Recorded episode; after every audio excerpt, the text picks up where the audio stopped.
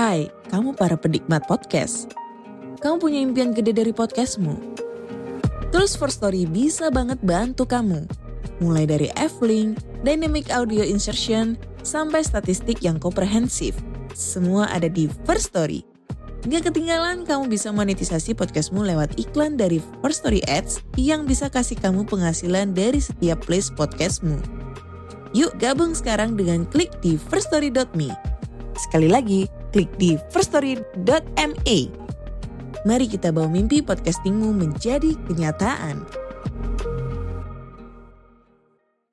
Sobat Malam Mencekam, sebelum masuk ke cerita, gue bakal ngenalin sebuah hosting keren nih. Dan hosting ini cocok banget buat kebutuhan kita. Namanya First Story. Nah, sedikit penjelasan apa itu First Story ya. Jadi ini adalah sebuah platform palu gada baru yang paling keren. Di First Story ini, kalian bisa menggunakan fitur-fiturnya 100% gratis loh. Kamu bisa mengupload episode terjadwal dan mendistribusikan podcastmu di semua platform hit podcast kesayangan kalian. First Story menyediakan customer service yang luar biasa berkat tim yang berisikan podcaster berpengalaman. Kamu bisa share podcastmu tanpa ribet dengan F-Link ini yang akan mencakup semua link platform dan sosial media kamu. Dengan First Story Ads, kamu bisa mengakses monetisasi dengan sangat mudah. Kamu bisa cairkan hasilnya kapan pun kamu mau tanpa biaya tambahan dan tanpa ribet. So, tunggu apa lagi? Gunakan hosting First Story sekarang juga. Assalamualaikum warahmatullahi wabarakatuh. Waalaikumsalam. Selamat malam sobat malam mencekam. Senang sekali kita bisa berjumpa kembali di malam hari ini di sela-sela istirahat Anda. Jadi sebelum istirahat ada baiknya untuk mendengarkan kisah dari narasumber malam hari ini. Namanya Mas Apik. Nah, betul. Mas Apik ini pernah tampil di Malam Mencekam videonya yang ini. Yang waktu Iya. itu Mas Apik berguru ilmu kebatinan atau spiritual Di melalui Google ya. Betul betul. Dan akhirnya nyasar. tersesat. Nanti kalau penasaran dengan videonya silahkan ditonton dulu. Dan malam hari ini Mas Apik akan bercerita atau berkisah kembali di Malam Mencekam dengan kisahnya yang pernah dialami di tahun 2018. 18 Mas. Ketika itu Mas Apik mengantarkan seorang temannya Iya. tapi tidak tahu apa tujuan temannya itu.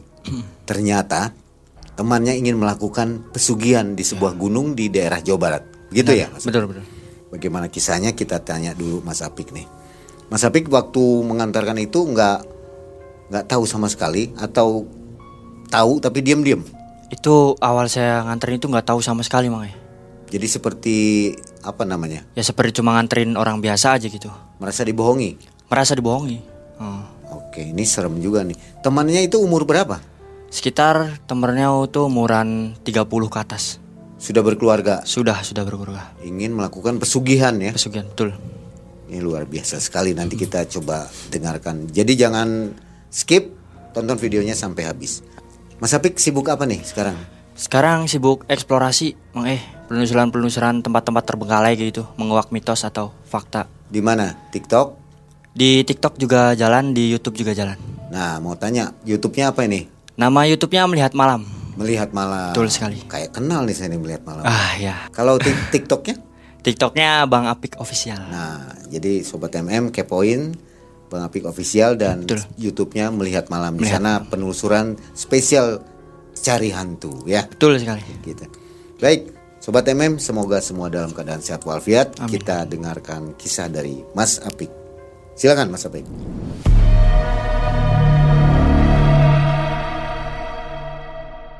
Jadi saya awali kisahnya dulu Mang. Di tahun 2018 saya itu berteman dengan ya ini bisa disamarkan namanya Mas. Itu namanya Deden. Beliau itu mengalami kebangkrutan gara-gara di PHK. Mang.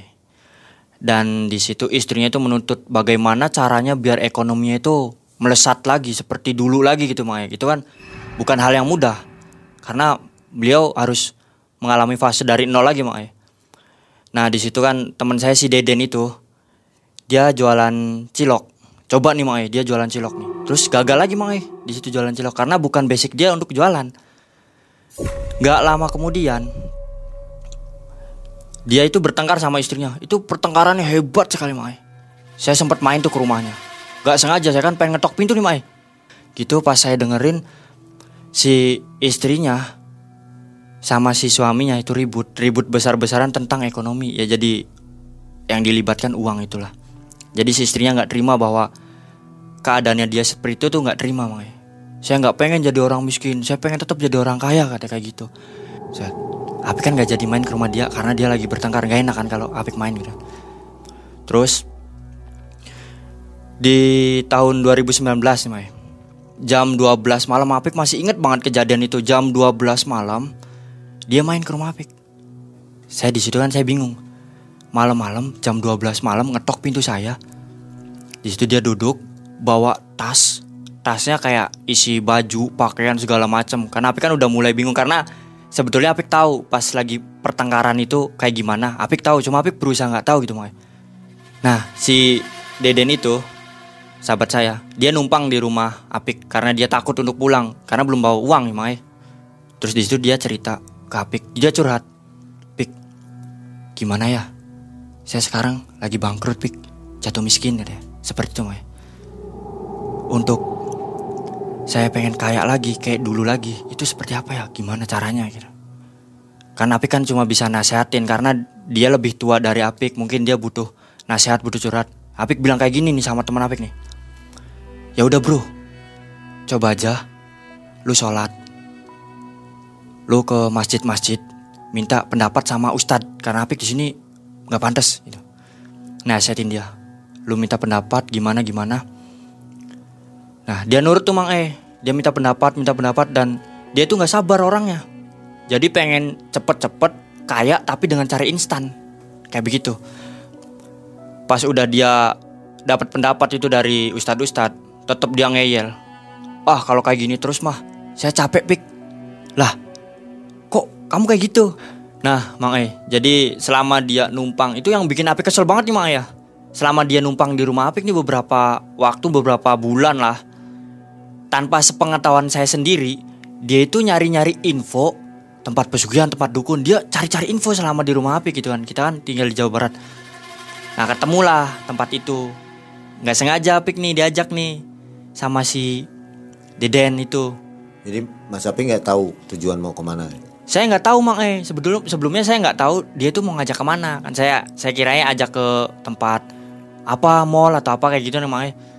Situ dia ngajak ngajak ke sesuatu tempat gunung semacamnya kayak gunung. Ada gunung di Jawa Barat.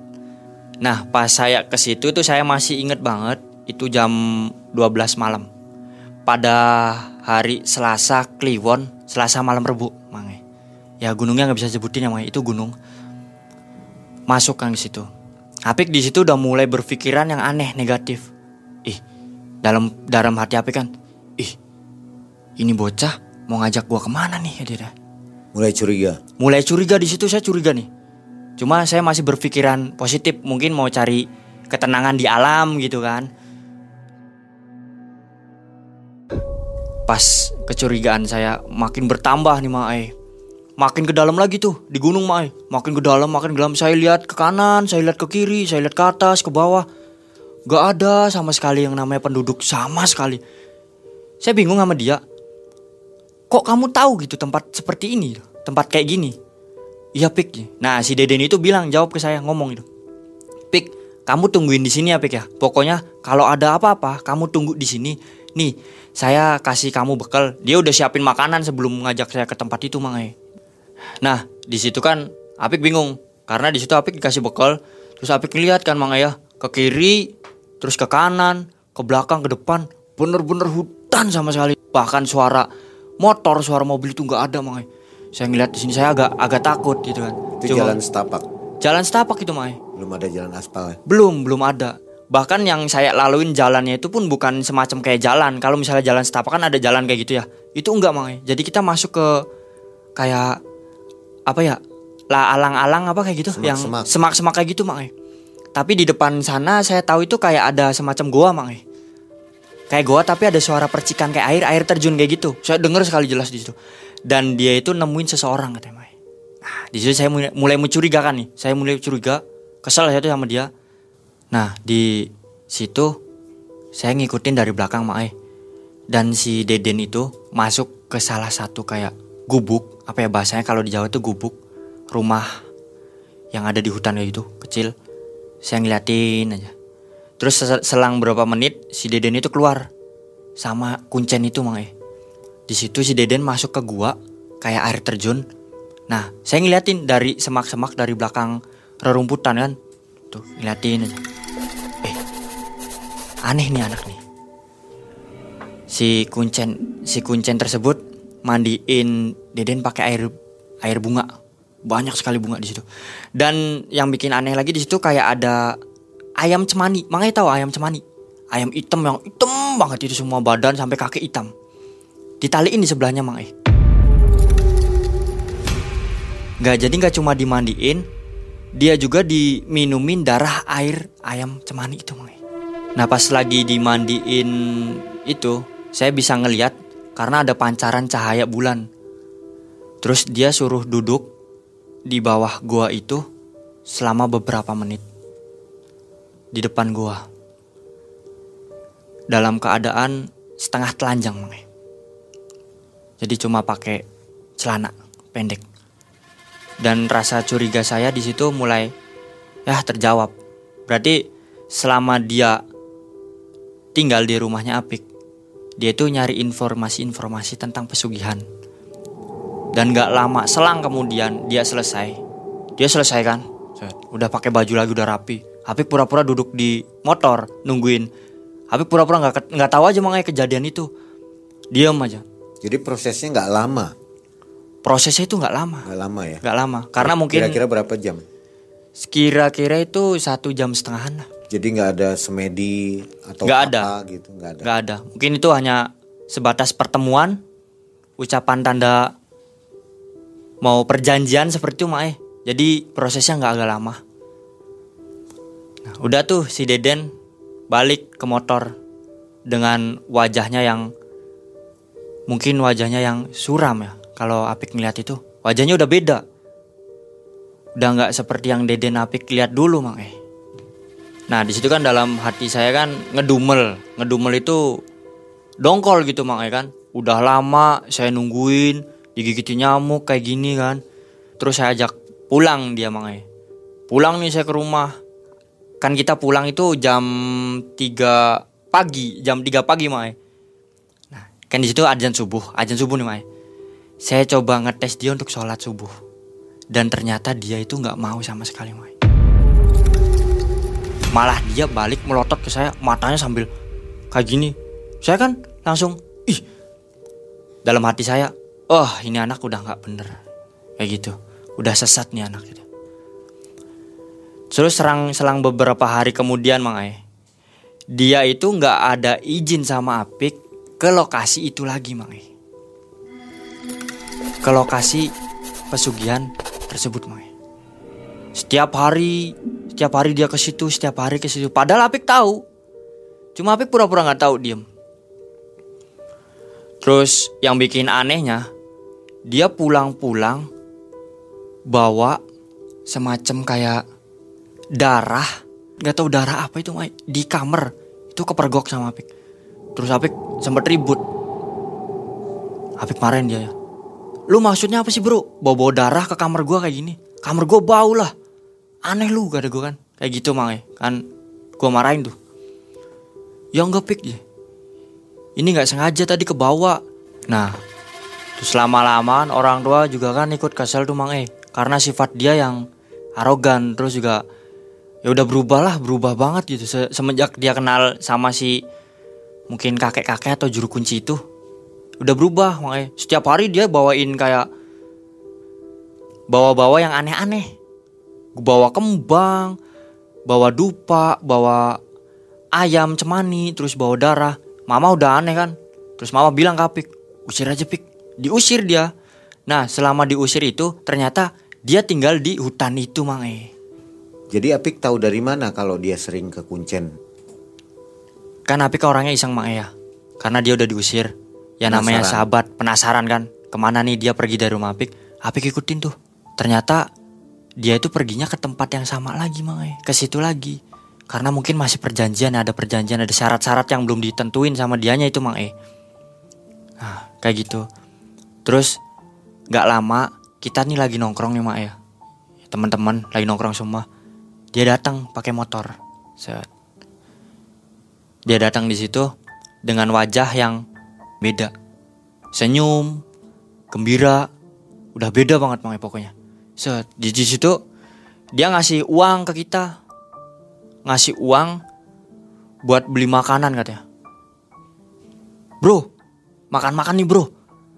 Wah, di situ kan saya curiga di Mang. Ih, katanya dia nggak punya uang, tapi kok bisa traktir kita makan gitu. Wah, terus di situ teman-teman Apik pada beli makan, cuma Apik nggak mau makan karena Apik tahu gitu. Nah, pas Apik tahu dia lagi megang uang, terus selang berapa hari lagi nih Maya, dia punya usaha Maya. Usaha jual jual bakso, mie ayam bakso kayak gitu Maya. Gerobak. Enggak, langsung warung, langsung ruko. Nyewa lapak gitu ya. Iya, langsung nyewa lapak. Itu kurun waktu berapa lama Kurun waktunya sekitaran sebulan dari melakukan pesugihan itu? dari melakukan pesugihan itu. Nah, selang berapa hari kan Mae saya tahu dia buka lapak jualan mie ayam bakso itu Mae. Saya ngajak nih temen Mae untuk main ke lapaknya, ke lokasi dia jualan. Pengen membuktikan. ya pengen membuktikan. Nah saya ngajak si Arif nih, kebetulan kan ada Arif nih di, di samping saya gitu kan. Rip, main yuk Rip, ke mana? Ke si Deden. Oh iya, Deden buka lapak katanya. Jualan bakso sekarangnya. Laris pik. Nah kata si Arif kan kayak gitu makanya. Arif juga tahu. Arif juga tahu makanya. Terus nggak lama kita main tuh kita makan-makan. Nah di situ makanya si Arif pun curiga makanya karena si Arif itu mempunyai kelebihan karena dia kan anak pesantren. Jadi kebatinan dia selalu diasah. Dia ngeliat katanya ada sosok semacam kuntilanak yang lagi di apa ya kalau misalnya orang jualan kan kita ngelayanin bakso gitu mang ya. Kayak ada orang beli gitu. Itu si kuntilanaknya itu di sebelahnya si Deden mang ya. dia ngelihat nampak jelas. Nah dia langsung tepuk punggung Apik. Si Arif itu pik pik apa sih Rip? Lagi makan Rip bentar. Ih wah nggak beres nih pik. Kenapa Rip? Udah sih Rip saya lagi makan karena saya lagi makan gitu mang lagi makan mie ayam. Pas di situ eh Pik ini nggak beres nih Pik. Warungnya Pik. Kenapa sih Rip? Ya kan masih bingung. Udah nanti salah saya ceritain jangan di sini. Nggak enak katanya. Banyak orang makan di sini kan. Nah kita udah nih Apik udah makannya. Wah penasaran saya.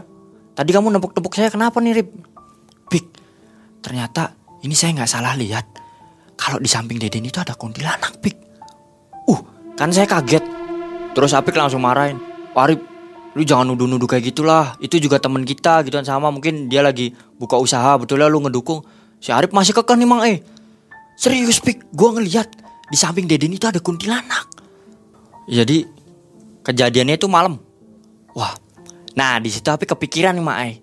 Kayaknya ada sangkut pautnya sama si Deden sering ke hutan itu mang eh. Sering ke gunung itu mang eh Terus saya ngobrol di situ. Saya ngobrol empat mata tuh makanya sama si Arif. Saya Rip, sini Rip. Saya cerita Rip sama kamu. Jadi awal mulai itu si Deden itu ekonominya hancur. Nah, terus dia beberapa hari, berapa minggu dia itu sering ke gunung inilah gitu. Saya samarin aja, sering ke gunung ini, sering melakukan ritual. Wah, pantas pik. Saya lihat banget jelas di sebelah si Deden itu kuntilanak. Mukanya itu banyak darahnya. Sedang apa kuntilanaknya waktu itu? Jadi kuntilanaknya itu setiap Deden ngelayanin bakso, si kuntilanak itu numpahin air liurnya mang Ai.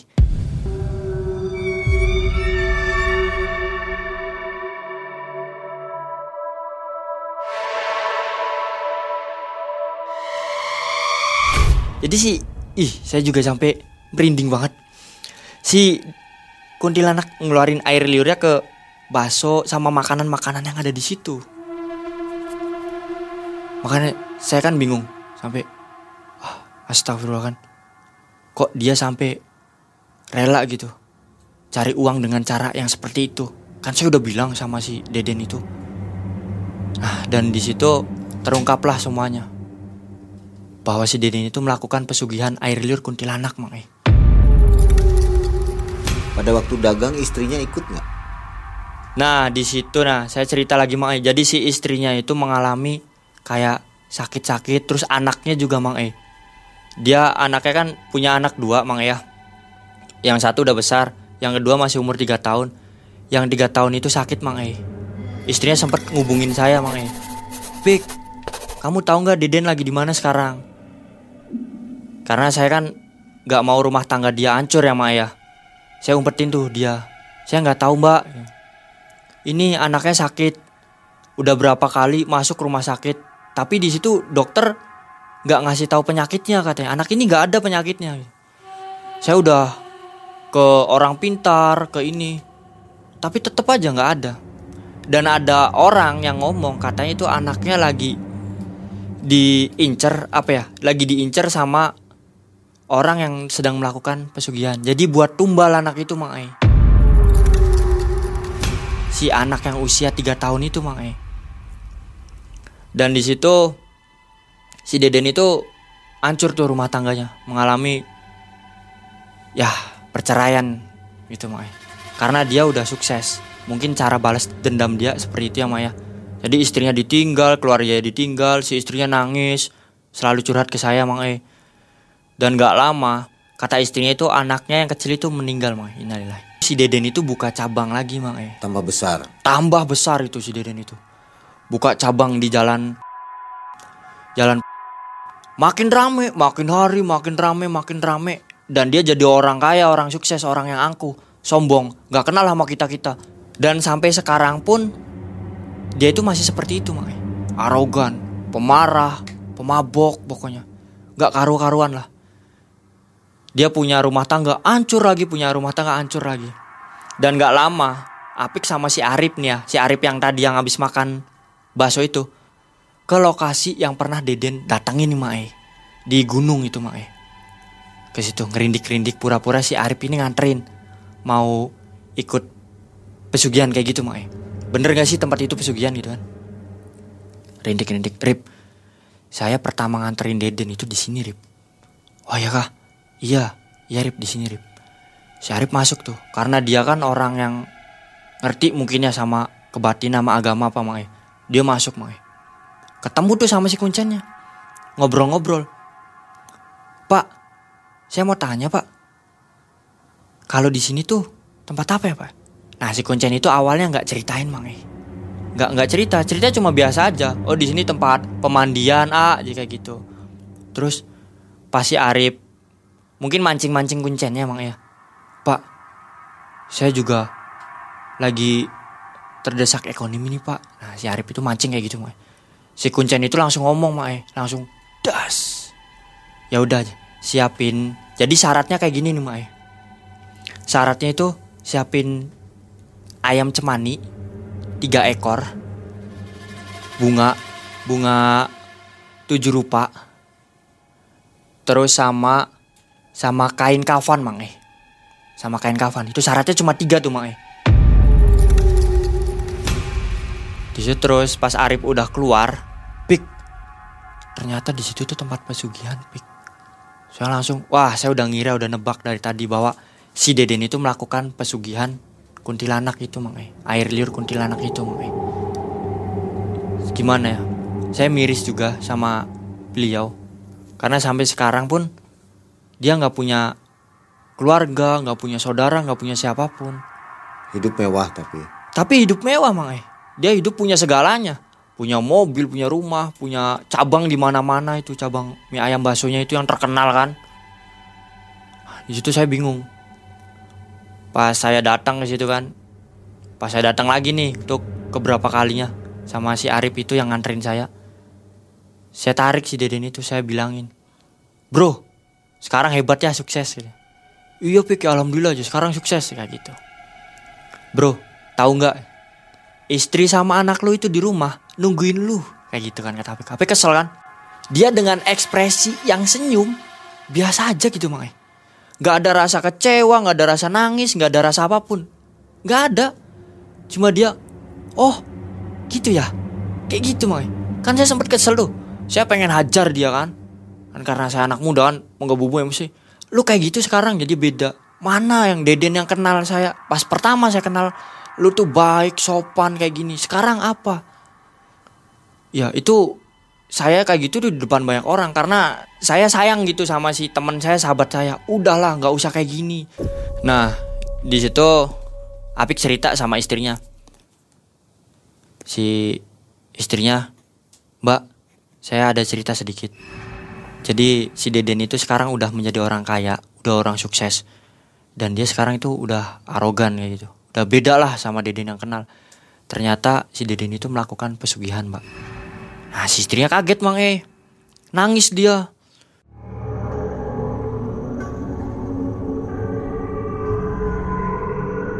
Nah di situ nggak lama kemudian ya Maya Apik denger nih Maya Si Deden itu buka cabang lagi Mang eh Nah kan lokasinya di mana nih Lokasinya Apik tahu Terus Apik ngajak lagi si Arif Rip Kita main yuk Makan bakso lagi deh Nah si Arif kan Sempat kesel juga nih mak eh. Ah, malas Apik. Katanya lu udah nggak berurusan lagi sama dia katanya. Ya enggak Rip. Ini demi keluarganya gitu. Karena saya kan masih anggap dia itu sahabat, kerabat deket gitu kan. Dulunya kan susah seneng bareng. Ya udahlah, terserah lu lah. Gua mau ngikut kata si Arif itu mae. Ngikut dia kan. Itu kita pesen bakso lagi. Dan si Arif masih tahu mang eh bahwa si kuntilanak itu masih ada ngikut ada di lokasi itu. Dan gak lama ada salah satu orang, salah satu anak mungkin usianya masih sekitaran 2 tahun mang ayah lagi di apa ya bahasanya itu dipegang-pegang sama si kuntilanak itu mang ayah. Baru si Arif itu baru cerita ke Apik, pik pik pik pik, apalagi si Rip, bentar bentar, kata Apik kan? Bentar Rip, pik, itu ada orang, coba pik, lu deketin ya ibu-ibu yang lagi sama anak itu pik. Anak kecil itu. Iya Rip. Kenapa? Katanya nggak pik.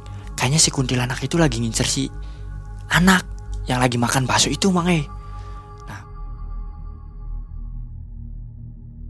Apik datangin yang bener Rip. Iya pik. Iya pik kita datangin nih kita berdua datangin kita godain anaknya anak kecil itu eh dek itu si Arif itu lagi kayak semacam gimana ya? Interaksi sama si kuntilanak itu eh. kayak adu ilmu kayak gitulah sama si kuntilanak jadi si anak itu lagi jadi target tumbal dari kuntilanak itu.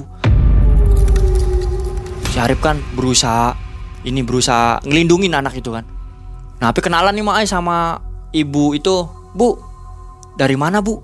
Kok bisa tahu bakso di sini? Terus ke sini sama siapa bu? Ini sama anak katanya. Oh ini anak ibu? Iya usianya berapa bu anaknya? Dua tahun mas. Wah dua tahun kan kata saya kan. Ini lagi jadi inceran. Dalam hati saya ini Mayan saya bilang wah ini lagi jadi inceran. Kalau misalkan iya anak ini kena tumbal dari pesugihan si Deden ini Deden itu bakalan mengalami uh uang yang lebih banyak lagi tuh mang eh gimana caranya saya bisa ngelindungin anak ini kata si dalam hati saya gitu mang eh Nah kebetulan di situ kan itu kan cabang yang beberapa mungkin ya mang ya si Deden itu nggak lagi ada di lokasi mang ya. Tuh untungnya nggak ada nggak ada lagi di lokasi.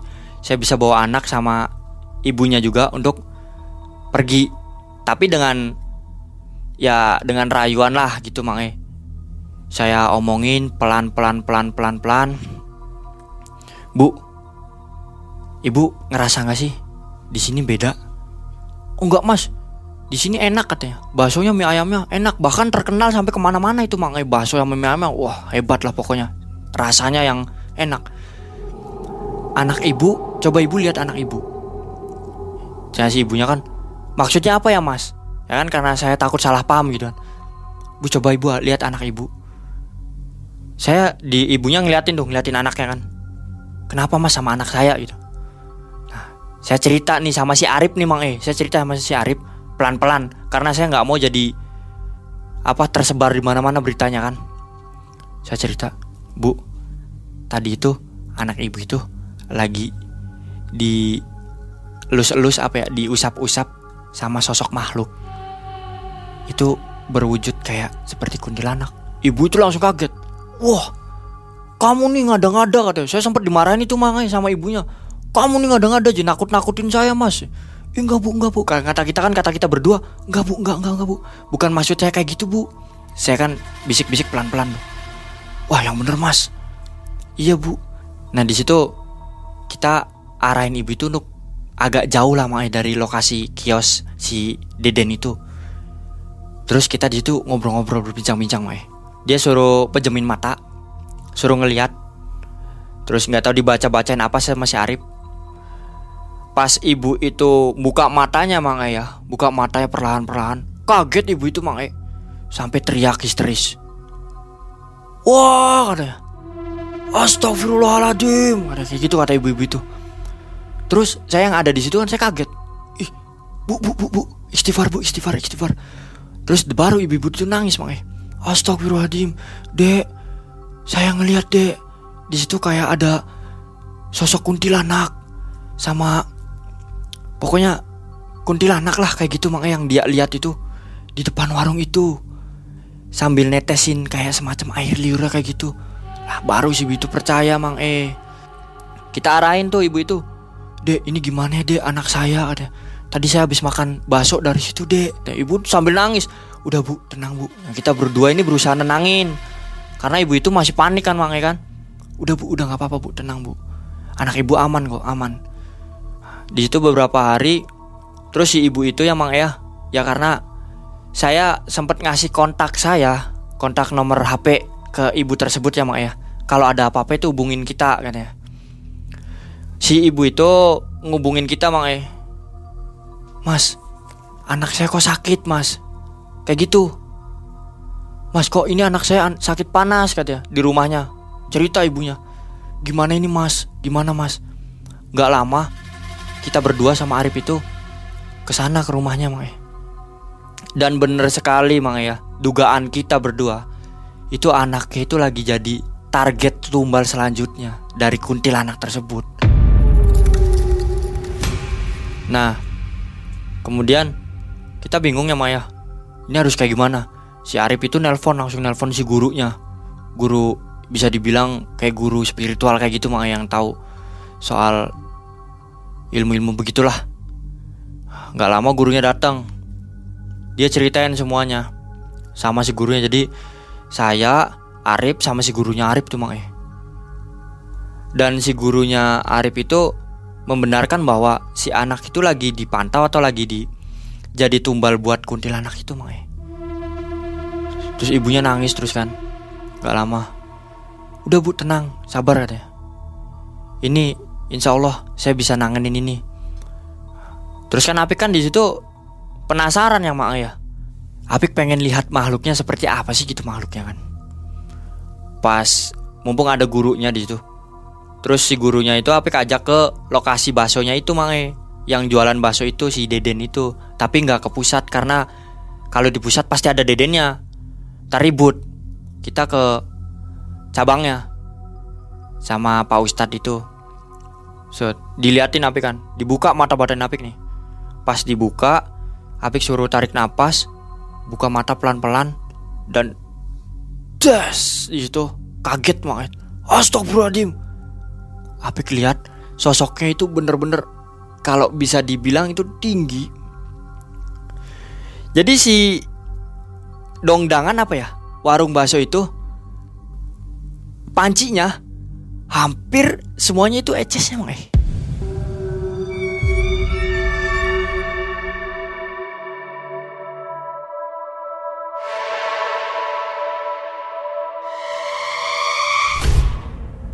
ngeces itu si kuntilanaknya uh merinding ngeces kan? Dan tetap aja masih diaduk-aduk sama si pelayan itu. Dan mulai dari situ Apik udah nggak percaya lagi sama yang namanya si Deden itu.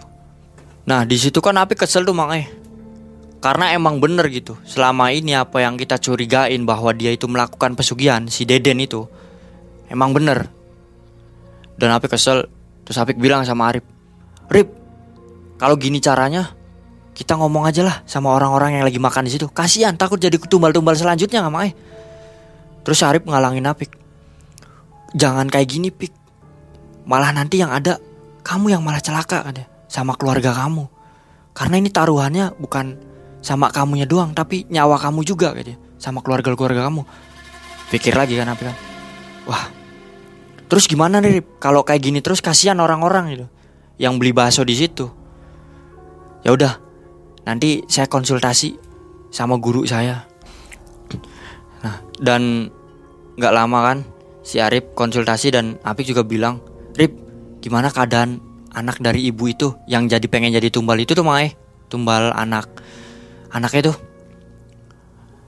Terus kata si Arif udah Pik aman anaknya alhamdulillah sekarang sehat.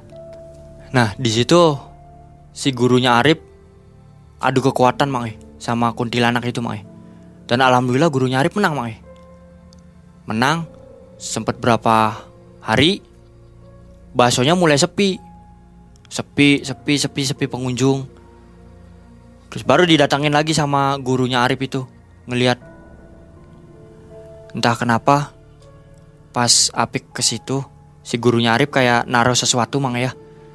Kayak garam atau air mang ya disiramin ke lokasi-lokasi itu pada malam hari suruh Apik sama Arif. Pas nggak ada orang ya Pik ditugasin sama gurunya. Suruh nyiramin air ini di depan lapaknya. Kayak gitu. Depan lapak itu. Udah disiramin sama dia. di semua cabang. Karena Apik tahu cabangnya di mana di mana. Dan pas terakhir Apik siramin di pusat. Di tempat pertama yang pertama diriin bakso mie ayam bakso itu siramin karena disuruh sama gurunya Arif pakai air tersebut siramin. Bias bias. Nah selang beberapa beberapa hari karena warungnya itu kita serang mang ya. Sama gurunya Arif juga. Si Deden itu ngalamin kebangkrutan lagi mang ya. Terus dia itu hilang. Nggak ada kabar sama sekali. Warungnya udah tutup nggak buka. Tapi kan kabarin istrinya istri yang dulu sama si Deden itu mang ya mbak info si Deden sekarang ke mana ya mbak ya si istrinya bilang Marah itu istrinya pas Apik bilang kayak gitu mang eh. Istri yang dulunya mantan istrinya. Gak tahu Pik. Saya nggak mau berurusan sama orang kayak gitu lagi. Orang yang biadab katanya. Orang musyrik. Ya pokoknya dicaci maki lah si Deden itu. Dan kabarnya itu dari adiknya si Deden katanya dia udah punya keluarga baru mang eh. Tapi keluarga baru dengan kondisi yang si Deden sakit parah, sakit keras. Dia udah nggak bisa apa-apa. Udah terlentang aja di kasur kayak gitu. Ekonominya juga lemah lagi. Nah di situ untuk ekonominya sendiri yang Mae itu mungkin karena dia sakit jadi makin hari makin hari itu ekonominya udah turun lagi seperti biasa lagi Mang E. Seperti itu Mang E. Dengan istri yang barunya, keluarga yang barunya mungkin kayak gitu. Kurun waktu dari dia melakukan pesugihan sampai dia terus kaya itu berapa lama? Dari mulai pesugihan sampai ya kayanya itu berapa lama itu? Ya kayaknya itu sampai sekarang sih sampai tahun 2022. Dari tahun 2018. Dari tahun 2018 Mang. Dan kata adiknya hartanya mulai menyusut Hartanya mulai menyusut dan Ya, sakit-sakitan itu. sakit-sakitan itu. Keluar Itu- masuk itu keluar masuk. Kabar terakhir. RS. Iya kabar terakhir itu. Berapa cabang dia punya? Dia itu punya cabang tuh di lokasi Cirebon aja ada sekitar empat. Ada empat. Ada empat. Nah setiap cabang itu pasti ada kuntilanaknya. Ada makanya karena setiap hari pasti si Deden itu ke cabang-cabang-cabang itu makanya. Oh muter. Muter setiap hari. Dari cabang satu, dua, tiga, empat itu makanya. Jadi seperti menempatkan Heeh. pasukannya ya. Ya setiap hari. Oke mungkin eh, dari kisah ini ada yang ingin disampaikan oleh Mas Apik. Ya ini sih mungkin ya Mak ya. Si Deden lagi sakit Dan mungkin Deden ngeliat Apik ceritain kayak gini. Sebelumnya mohon maaf Apik cerita kayak gini buat Deden Biar Deden ini cepet Jadi orang yang bersyukur lah Mang E gitu kan. Dengan kekurangan Dengan rezeki yang dia punya itu Selalu bersyukur gitu Mang. Jangan segala macam hal sesuatu yang haram dihalalkan gitu Mak ya. Dan untuk Deden semoga cepat sembuh dan kalau ngelihat cerita saya ini saya masih jadi teman kamu dan saya masih jadi sahabat kamu. Jadi kapan pun kamu mau main ke rumah saya, pintu saya terlalu apa selalu terbuka buat kamu Den. Gitu. Dari kisah ini sobat malam mencekam tentu saja ada hikmah yang kita ambil bahwa pesugihan itu tidak pernah memberikan kebahagiaan. Ya, Jadi untuk Anda ambil kisah ini menjadi pelajaran. betul. Ai. Jangan coba-coba untuk melakukan pesugihan gitu ya Mas Jangan, Apik ya. karena orang yang kaya itu nggak instan, perlu Ada perjuangan. perjuangan. Betul. Tentunya di jalan Allah. Dan sobat MM mudah-mudahan kisah dari Mas Apik dapat menambah iman kita kepada Allah Subhanahu wa taala. Oh, subhanallah. Terima kasih Mas Apik kisahnya. Siap. Akhirnya Mang Ei dan tim undur diri. Assalamualaikum warahmatullahi wabarakatuh. Waalaikumsalam warahmatullahi wabarakatuh.